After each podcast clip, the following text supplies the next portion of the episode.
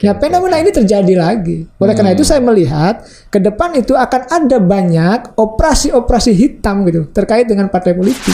Sehingga wajar kalau rakyat marah. Dengan cara apa? Dengan cara mencari figur yang bisa melakukan perlawanan-perlawanan terhadap tanda petik ya pemerintah. Oke, oke. Ya ini bahaya sebenarnya dalam konteks demokrasi. Banyak juga bercerita dengan teman-teman yang mau investigasi soal politik agraria. Hmm. Ternyata yang punya tanah-tanah di negara ini kan orang-orang itu-itu saja.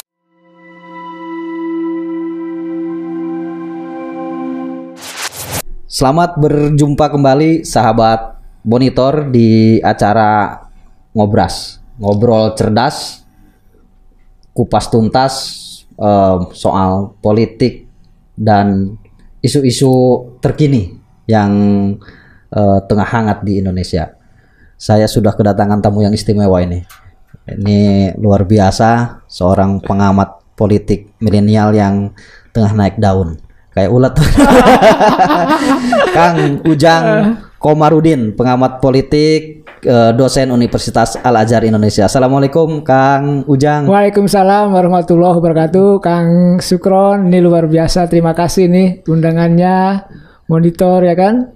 Eh, saya bangga, saya telah dibesarkan oleh media ini ya. Kemunculan saya awal-awal dulu tahun 2017 itu eh, bagaimanapun jasa monitor itu besar terhadap eh, kemunculan saya di dunia politik Indonesia gitu Siap, dalam siap, konteks siap, pengamatan gitu. Sekarang udah terkenal makanya susah ya. Kita udah lama ini ngatur waktu sama Kang Ujang. Tapi terima kasih Kang Ujang sudah eh, meluangkan waktu eh, hadir kembali di eh, tempat kita di monitor kali ini dengan eh, kemasan yang berbeda nih Kang di podcast monitor. Siap. Kang, langsung aja Ya. nih. kita mau ngobrol-ngobrol nih soal eh, isu-isu terkini, khususnya mungkin kita bicara soal politik, ya. sosial, politik, eh, banyak hal lah yang yang akan kita bicarakan karena memang itu eh, anu kan spesialisnya Kang Ujang di situ kan. Kang, bagaimana Kang Ujang melihat eh, fenomena politik kita hari ini secara umum? Ya, saya melihat begini, politik kita hari ini dan ke depan itu akan dinamis. Oke. Kenapa dinamis? Pertama, Habib Rizik sudah kembali ke Indonesia. Iya, iya, iya. Yang kedua, ini ada indikator hari ini tadi dini hari ya ditangkap eh, Menteri KKP. Oke. Ini juga persoalan politik. Jadi ada Persoalan politik. hukumnya iya, Oke. gitu ya. Pen- eh, politiknya iya. Hukumnya apa? Bisa jadi bisa jadi itu adalah apanya kesalahan atau eh, dugaan korupsi yang dilakukan oleh eh, eh, Edi Prabowo. Oke. Tapi di saat yang sama politisnya di mana gitu loh. Politisnya itu misalkan begini, Harun Masihu mana apa kabar gitu. Harun Ka- Masiku. Iya. Kenapa Iya, iya, KPK iya. tidak bisa? Iya, Padahal iya, ada di pelupuk mata gitu loh. nah, ini mana itu? persoalan. Si Goib katanya. Iya, ya? lalu eh eh, Edi Prabowo gitu ya ditangkap gitu. Ya bisa jadi secara apa hukum tadi kan ada bukti-bukti itu, tapi secara politis juga luar biasa tingginya. Jadi Iya, iya, gini, iya, iya. ada Gerindra ini main di dua wilayah. Yang satu dia main di pemerintahan, Oke. ya dengan adanya Menteri Menhan dan Menteri KKP, ya kan. Di saat yang sama, Padlizon itu tetap mengkritik pemerintah. Oke. oke. Ya ini kan membuat pemerintah juga pusing gitu. Nah, Hmm, hmm. dan, dan itu pula yang membuat eh, elektabilitas Gerindra naik. Naik. Menurut, menurut beberapa lembaga survei naik. Oke, Oleh karena oke, itu oke. ini dalam konteks politik ini tidak disukai. Mungkin Tidak naik disenangi. karena apa namanya dukungan basis dukungan dari eh, katakanlah yang tidak pro terhadap pemerintah masih tetap bertahan di Gerindra karena diwakili oleh suara-suara Padlizon itu. Ya, karena tadi kalau eh, bertekuk lutut di pemerintah, ya kan, tidak berdaya dalam konteks mengikuti alur pemerintah, maka rakyat akan meninggalkan Gerindra. Oleh karena itu dimainkanlah oleh Padlizon ini gitu. Nah, inilah yang tidak dilakukan oleh partai-partai pendukung koalisi Jokowi yang lain. Mereka hanyut Manut ya kan dalam dukungan-dukungan politik eh, Pak Jokowi. Nah, oleh karena itu Gerindra paham itu. Tapi tadi resikonya secara politik ya tan- tanda petik ya ada yang mengerjai gitu loh.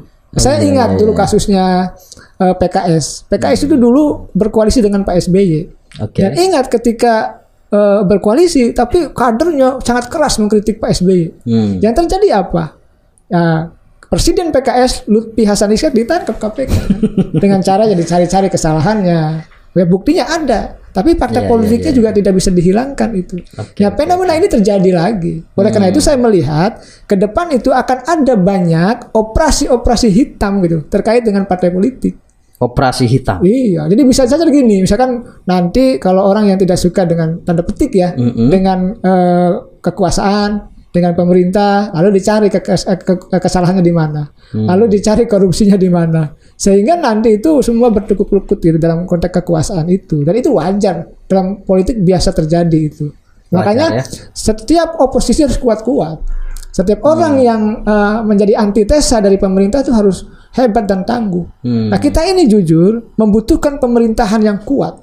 Ya. Tapi di saat yang sama kita membutuhkan oposisi yang tangguh. Nah hari ini kita tidak melihat fenomena oposisi itu. Oleh karena itu rakyat aspirasinya tidak pernah direspon oleh DPR dan pemerintah. Hmm. Oleh karena itu wajar jika saya IPR ya Indonesia Politik Review Oke. itu eh, apa namanya melakukan survei tentang kinerja Jokowi Ma'ruf Amin apa hasilnya? Hmm. Ya 50% ke bawah banyak yang yang kecewa. Nah, ini indikator-indikator Tidak puas. tidak puas. Oleh karena Oke. itu penting bagi Pak Jokowi dan pemerintah untuk menaikkan kinerjanya, Hmm. untuk menaikkan citranya. Bagaimana merespon apa yang diinginkan oleh publik? Iya, iya. Bagaimana apa namanya rakyat itu hak-haknya diberikan? Ini kan Hmm. tidak. Nah, oleh karena itu yang muncul fenomena Habib Rizik, Hmm. Ya ini jangan sampai terjadi lagi. Jadi kalau rakyatnya sejahtera, Oke. ya kan kalau rakyatnya keinginannya diikuti oleh DPR dan pemerintah, tidak akan itu terjadi fenomena Habib Rizik. Oke, oke, Itu, oke. itu yang ya, catatan saya begitu. Ini berat juga nih pembahasan. Kang, eh awalnya eh, saya juga mungkin dengan sahabat-sahabat yang lain berpikir bahwa pemerintahan Jokowi di periode kedua ini akan relatif stabil karena gerbong koalisinya lebih banyak, oposisinya sedikit. ya. Makanya suara-suara oposisi hampir tidak pernah terdengar karena memang relatif ini. Tapi ternyata makin riuh gitu. ya mungkin karena ada banyak faktor gitu kan. Masuknya kekuatan oposisi yang diwakili oleh eh, Prabowo dengan Gerindranya juga ya tidak membuat stabilitas politik eh, relatif aman. Eh, artinya rame terus gitu kan. Ya banyak faktor tentu saja banyak faktor saya bilang tadi gitu kan. Nah, eh Kang Ujang sendiri melihat ini seperti apa? Apakah eh, karena fenomena masyarakat kesadaran politik di masyarakat yang eh, semakin tinggi atau karena faktor lain gitu kan? Eh, selain eh, apa namanya faktor tadi begitu. Itu bagaimana melihat eh, kondisi saat ini gitu? Artinya eh, kekecewaan-kekecewaan publik ya tadi eh, IPR ya Ujang eh, kita tahu salah termasuk juga salah apa eh, direktur dari lembaga IPR ya Indonesia Politik Review itu kan melihat bagaimana sih sebenarnya fenomena politik gitu kan. Masyarakatnya masih semakin kenceng juga gitu kan walaupun di elit mungkin eh, konsolidasi kekuasaannya relatif bagus sekarang gitu kan. Gerindra masuk partai-partai besar masuk nih gitu kan. Suara di parlemen koalisinya kecil banget gitu hampir tidak terdengar gitu kan. Tapi ternyata dengan adanya eh, sosial media dan lain sebagainya suara-suara kritikan terhadap pemerintah juga nyaring juga luar biasa gitu kan nah menarik lagi tadi yang Kang Ujang bilang gitu kan. Habib Rizik pulang. Semakin lama. Akhirnya. jadi kemarin kita ngebahas juga tuh soal Habib Rizik berapa seri gitu kan. Siap. banyak juga yang ini yang yang menanggapi yang banyak juga yang ngebully kita. Nah makanya kita mengundang Kang Ujang ini kan biar eh, tahu bahwa ya kita eh, ini adalah ruang eh, wacana kita ruang akademis kita. Kita ya apa namanya di sini belajar secara objektif kan kira-kira seperti itu. Nah gimana Kang? Udah jadi saya yang mulai ngobrol. Gak apa-apa, justru saya uh, uh, ingin membedah bersama-sama. Iya, Nah, iya, Ini kan awalnya kan gini, eh, rakyat itu eh, tidak percaya dengan pemerintahnya. Ini menjadi problem. Apa? Hmm. Saya kasih indikatornya. Misalkan revisi undang-undang KPK. Sebentar. Ya. Tidak percaya dengan pemerintah yang untuk periode yang sekarang. Ya, sekarang. Hmm. Kenapa? Tingkat mungkin tingkat kepercayaan. Tapi yang percaya kan juga banyak. Artinya yang banyak. mendukung Pak Jokowi kan sebenarnya juga iya, banyak. Ah. dari hasil survei kita menunjukkan tadi tingkat kepuasan, tidak kepercayaan itu rendah. Oke. Di bawah 50%. Di bawah 50%. Nah, ini yang menandakan bahwa masyarakat kecewa. Hmm. Nah. Artinya kecewa setelah berjalan nih Kang ya. Setelah berjalan. di periode kedua pemerintahan Jokowi Ma'ruf Amin Iya, ini kan. Iya betul. Oke. Kenapa kecewa? Kalau periode pertama eh, tidak tidak kecewa karena menang lagi. Oke. Nah, periode kedua ini kenapa revisi undang-undang KPK, Hmm. revisi undang-undang Minerba, Oke. lalu eh, kenaikan iuran BPJS. Nah terakhir undang eh, disahkannya undang-undang Cipta Kerja. Yang dinilai tidak pro rakyat. Nah, rakyat menganggap suaranya, haknya kok tidak pernah didengar oleh DPR dan pemerintah. Hmm. Nah, ini menjadikan mereka marah. Nah, mereka gini loh. Oh, kita ini kan punya wakil rakyat, Oke. tapi wakil rakyatnya nggak berguna, hanya menjadi stempel. Ya, ya. apa yang diinginkan oleh presiden, apa yang diinginkan oleh pemerintah, lalu dieksekusi. Hmm. Nggak ada yang ditolak. Ya, ya. nggak ada yang dibalikan dan lain sebagainya. Oleh karena itu masyarakat tidak banyak berharap pada parlemen. Tidak ada check and balances gitu loh. Hmm. Nggak ada kontrol yang kuat dari apa namanya eh, legislatif kepada pemerintah. Hmm. Maka yang terjadi apa? Rakyat mencari alternatif sendiri, Hmm. mencari jalannya sendiri. Apa yang dilakukan tadi? Mencari tokoh Oke. yang oke, bisa oke, menyalurkan oke. aspirasi itu. Hmm. Ya kalau saya sebutkan yang menjadi simbol tanda petik Menjadi perlawanan iya, terhadap iya, iya. pemerintah, walaupun dengan suara nyaring-nyaringnya itu. Hmm. Nah ini kan sebenarnya walaupun narasi yang dikembangkan oleh Habib Rizik misalkan ya agak keras gitu terhadap pemerintah, tapi mungkin ini disukai juga oleh para pendukungnya. Oke, oke. Karena oke. itulah sebenarnya aspirasi yang selama ini mereka pendam. Hmm. Nah inilah sebenarnya yang harus dilihat oleh para pendukung Pak Jokowi ya, partai koalisinya, termasuk Pak Jokowi untuk selalu merespon Oke. apa yang diinginkan oleh masyarakat. Oleh masyarakat. Nah, kalau tidak, justru yang akan di atas angin tadi oposisi jalanan yang akan muncul. Oke, Karena oke, tidak oke, ada oposisi yang kuat di parlemen. Hmm. Nah hari ini kan oposisi jalanan. Ya kan apa yang yang yang yang kuat akhirnya ormas. Hmm. Apa yang muncul? Tokoh-tokoh individu. Oke, oke. Harusnya ketokohan itu muncul dari partai politik. Seharusnya. bukan dari ormas, bukan juga dari personal-personal dari publik atau dari masyarakat. Nah ini iya, iya. pertama kegagalan parlemen dalam menciptakan kontrol terhadap pemerintah, tidak ada check and balances, Oke. sehingga apa semua kebijakan yang dibuat oleh Pak Jokowi selalu oke parlemen. Stempel-stempel yes, stempel, stempel. Nah ini membuat rakyat marah. Hmm, Loh, pemerintah, eh, mohon maaf ya, kok parlemennya seperti itu gitu loh. Hmm. Nah inilah akhirnya publik ya suka tu, tidak suka, senang tidak senang ya kan, Me- apa menciptakan figurnya sendiri, Hmm. mencari tokohnya sendiri dan itu ada di Habib Rizik. Oke, ya suka oke, tidak oke. suka kita, senang tidak senang itu cara masyarakat. Fakta politiknya Fakta politik. itu. Nah oleh karena itu saya kemarin diundang juga oleh sebuah televisi ya Hmm. CNN TV Indonesia. Saya diskusi itu juga. Nah harus ada koreksi yang menyeluruh dari pemerintah. Hmm. Harus ada koreksi juga dari parlemen. Hmm. Bagaimana aspirasi publik itu, aspirasi rakyat itu diserap. Oke. Bagaimana keinginannya dihargai. Hmm. Bagaimana aspirasinya direspon. Ya kan? Bagaimana haknya diberikan. Ini kan rakyat merasa tidak punya, kalau kata Pak JK kosong, kekosongan kepemimpinan, walaupun Pak JK mengatakan itu kritik terhadap partai-partai Islam. Iya, iya. Tapi saya melihatnya se- secara umum gitu. Hmm, hmm, hmm.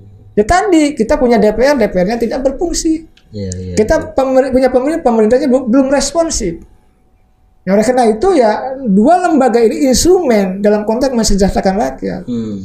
Nah kalau kedua lembaga ini eh, apa namanya merespon apa yang diinginkan oleh rakyat, Oke. saya rasa tidak akan ada kejadian seperti ini. Hmm. Nah oleh karena itu rakyat mohon maaf agak eh, marah gitu loh, Hmm, hmm, hmm. agak apa namanya eh, pusing, tersinggung gitu dengan kondisi bangsa ini yang seperti ini. Oke, nah oleh karena oke, itu oke. ini kritik eh, kita semua termasuk saya ya Hmm. Pak Jokowi anggota DPR bahwa apa rakyat ada itu ya bukan dikejar ketika pemilu Hmm. tapi ketika ada itu untuk disejahterakan Ya, ya. Ya, jadi, nah, hari ini kita melihat mohon maaf ya DPR bersama pemerintah itu membelakangi kehendak rakyat Hmm. membelakangi keinginan rakyat sehingga wajar kalau rakyat marah dengan cara apa dengan cara mencari figur yang bisa melakukan perlawanan-perlawanan terhadap tanda petik ya pemerintah Oke, oke. ya ini bahaya sebenarnya dalam konteks demokrasi Bahaya ya. bahaya Bahaya. muncul parlemen jalanan itu tidak dikenal dalam konteks oposisi Hmm. nah oposisi ini lahir tadi karena pertama ketidakpercayaan publik terhadap pemerintah dan DPR Hmm, yang kedua tidak ada check and balances, ya kan? Yang ketiga rakyat itu sudah ibaratnya tanda petik ya sudah eh, jengkel sama sekali. Oposisi yang tidak terlembagakan. tidak terlembagakan. Hmm. Nah kita juga begini, konsep oposisi kita ini kan eh, tidak permanen Hmm. dan tidak ideologis, cenderung kompromis. Iya iya iya. Nggak ada. Jadi kalau di Malaysia dulu ada AMNO, ya bisa Hmm. 30 tahunan, masih bagus lah, walaupun terpecah di kemudian hari. Gitu. Hmm. Di kita kan tidak.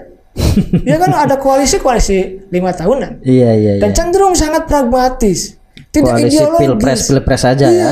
Iya. Jadi tidak ada partai-partai itu yang berkuasa secara ideologis. Hmm. Yang ada kepentingan dan pragmatisme saja. Oleh karena itu oposisinya atau koalisinya tidak pernah langgeng.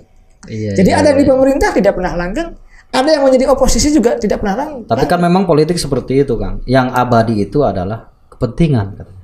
Ya, faktanya seperti itu. Faktanya Tapi seperti itu. sesungguhnya politik itu mulia. Politik itu mulia. Politik itu apa ya? Setuju, setuju. Ya sangat suci ya. Hmm, hmm, hmm. Cuma per- memang persoalannya politisi kita ini. Iya. Nah, politisi kita ini, eh, Bang Supron ya, kita ini tidak punya sosok negarawan ini. Hari ini. hari ini. Oke. Kita sangat sedih bangsa ini. Nah, kenapa indikatornya apa? Karena begini, masyarakat sulit mencari tokoh figur yang bisa menjadi panutan. Hmm. Itu sulit. Nah, derajat tertinggi dari seorang politisi itu apa? Seorang negarawan. Negarawan. Negarawan. Nah, hari ini mana politisi kita yang negarawan itu? Hmm. Tunjukkan kepada kita mana dan siapa. Hampir-hampir rakyat tidak melihat. Oke. Ya kan di eksekutif hampir tidak terlihat. Di legislatif pun sama. Yang ada hanyalah pemberian penghargaan kepada pejabat-pejabat ya kan. Bintang-bintang tanda jasa oke. Tapi yang menjadi teladan, yang menjadi negarawan, yang berdiri di semua golongan itu hampir-hampir tidak ada. Hmm. Nah ini kegagalan dari partai politik juga untuk melahirkan tokoh-tokoh yang sekelas negarawan itu. Nah ini koreksi bersama. Iya. Bangsa ini luar biasa banyak orang hebatnya. Hmm. Banyak orang cerdasnya, banyak orang pintarnya. Kenapa tidak bisa menciptakan seorang negarawan-negarawan ya yang berpihak di tengah, gitu. yang tidak memihak ke mana-mana, yang memang kepentingannya hanya untuk bangsa dan negara dan untuk rakyat. Hari ini kan kita tidak. Iya iya. DPR-nya mohon maaf untuk kantong pribadi, kantong partai dan kelompoknya. Iya iya. iya. Pemerintahnya sama punya kepentingan untuk sama-sama memperkaya gitu pejabat-pejabatnya gitu, oknumnya. Hmm, hmm. Ini kan kita sedih. Rakyatnya ditinggalkan Ribut sendiri. ribut sendiri.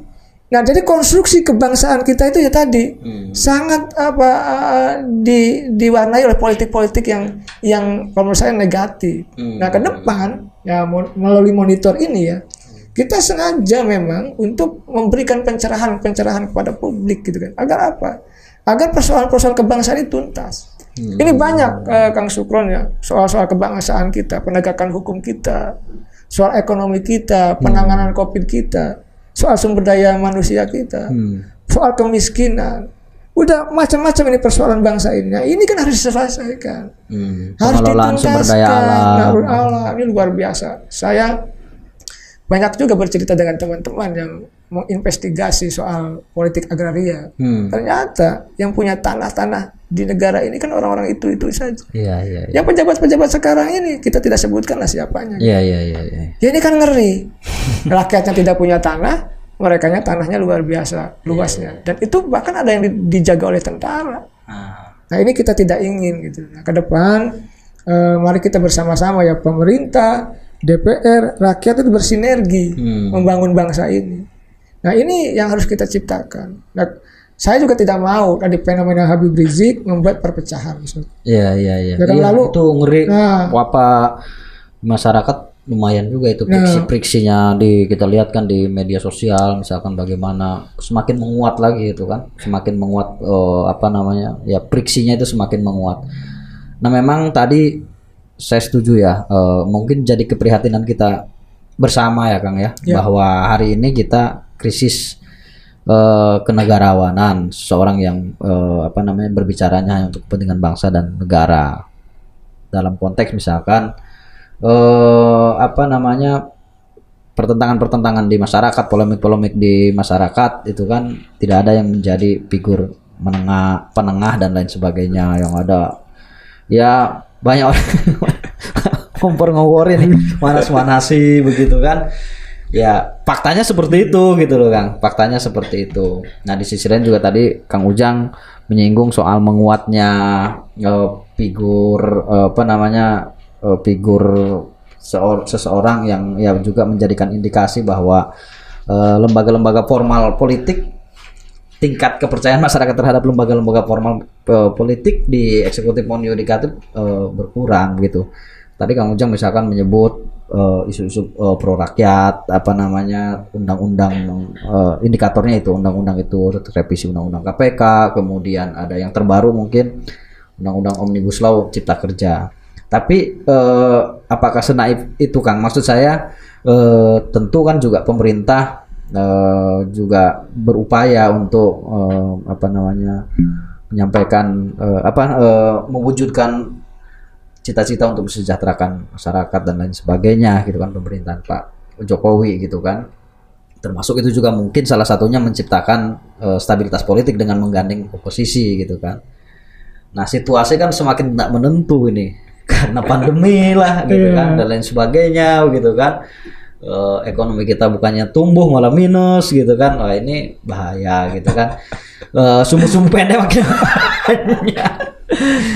gitu kan. Nah ini apa yang harus kita eh, sampaikan ke publik gitu kan ke masyarakat begitu kan. Ya bolehlah kita eh, apa namanya betul kita kita apa namanya kecewa mungkin kan eh, gitu kan. Karena mungkin aspirasi aspirasi kita tidak 100% tersampaikan begitu kan Pemerintah sudah kerja keras saya rasa. hmm. DPR juga eh, sama. Cuma persoalannya tadi apa yang dijanjikan dalam kampanye kan itu. Mm-mm. Apa visi misi dan program oke ya kan kemarin termasuk apa yang dijanjikan oleh DPR Hmm. Itu kan tidak pernah terasakan gitu loh oleh masyarakat.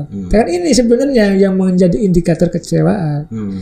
Jadi kalau janji-janji kampanyenya gitu dalam konteks penegakan hukum, ekonomi gitu dan lain sebagainya itu terrealisasi, itu tidak akan kecewa. oke Pasti rakyat itu akan bersama-sama dengan pemerintah gitu loh. Mungkin butuh waktu kan Nah, oleh karena dan itu juga situasi Nah, kan oleh karena itu saya melihat ini kan masih ada waktu empat tahun. Oke. Ya kan ini baru satu tahun. Heeh. Bisa jadi eh, tadi kekecewaan publik itu tinggi di tahun pertama, tahun, kedua bisa jadi mengurangi atau tingkat kepercayaan bisa tinggi karena program-program juga sudah jalan. oke Atau karena bisa operasi-operasi pemerintah dan DPR juga terlaksana, janji-janji kampanye juga direalisasikan. Iya. Itu bisa. Semua mungkin-mungkin saja. Tadi karena kita juga ada COVID. Ya Ya kan, lalu juga misalkan tadi fenomena Habib Rizik ya yang yang da- kedatangannya yang membuat ramai dan geger. ya ini juga eh, menjadi kesatuan-kesatuan persoalan yang mengiringi perjalanan satu tahun pemerintahan Jokowi kemarin. ya Ya saya sih percaya.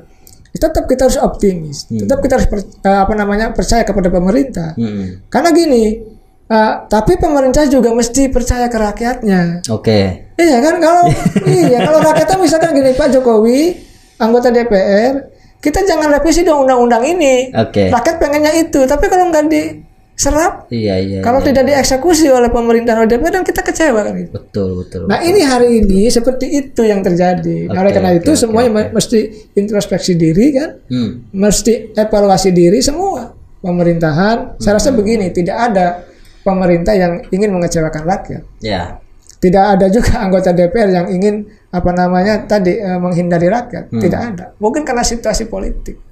Atau karena memang gitu, ada skenario memang tanda petik ya ada oknum yang ingin memperkaya diri. Hmm. Bisa juga. bisa juga Ada memang untuk kepentingan diri kelompok dan partai. Hmm. Ya bisa juga.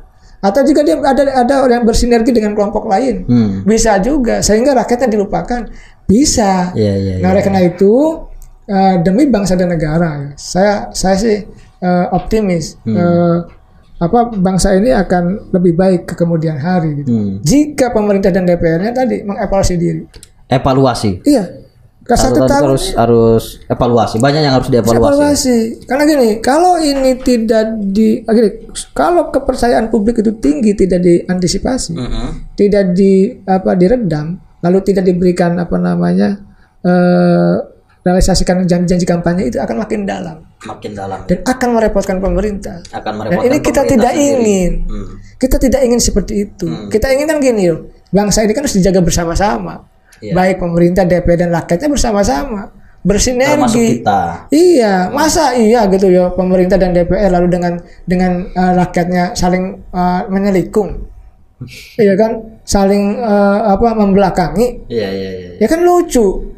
Lo adanya pemerintah dan DPR kena rakyat. hmm. Ya kan? Nah, oleh karena itu semuanya mesti sadar diri termasuk kita semua. Iya, iya. apa? iya, iya. Apa yang telah kita berikan untuk bangsa ini? Hmm. Nah ini yang penting, rakyatnya apa yang telah berikan, pemerintahnya apa yang telah berikan, DPR apa yang telah berikan.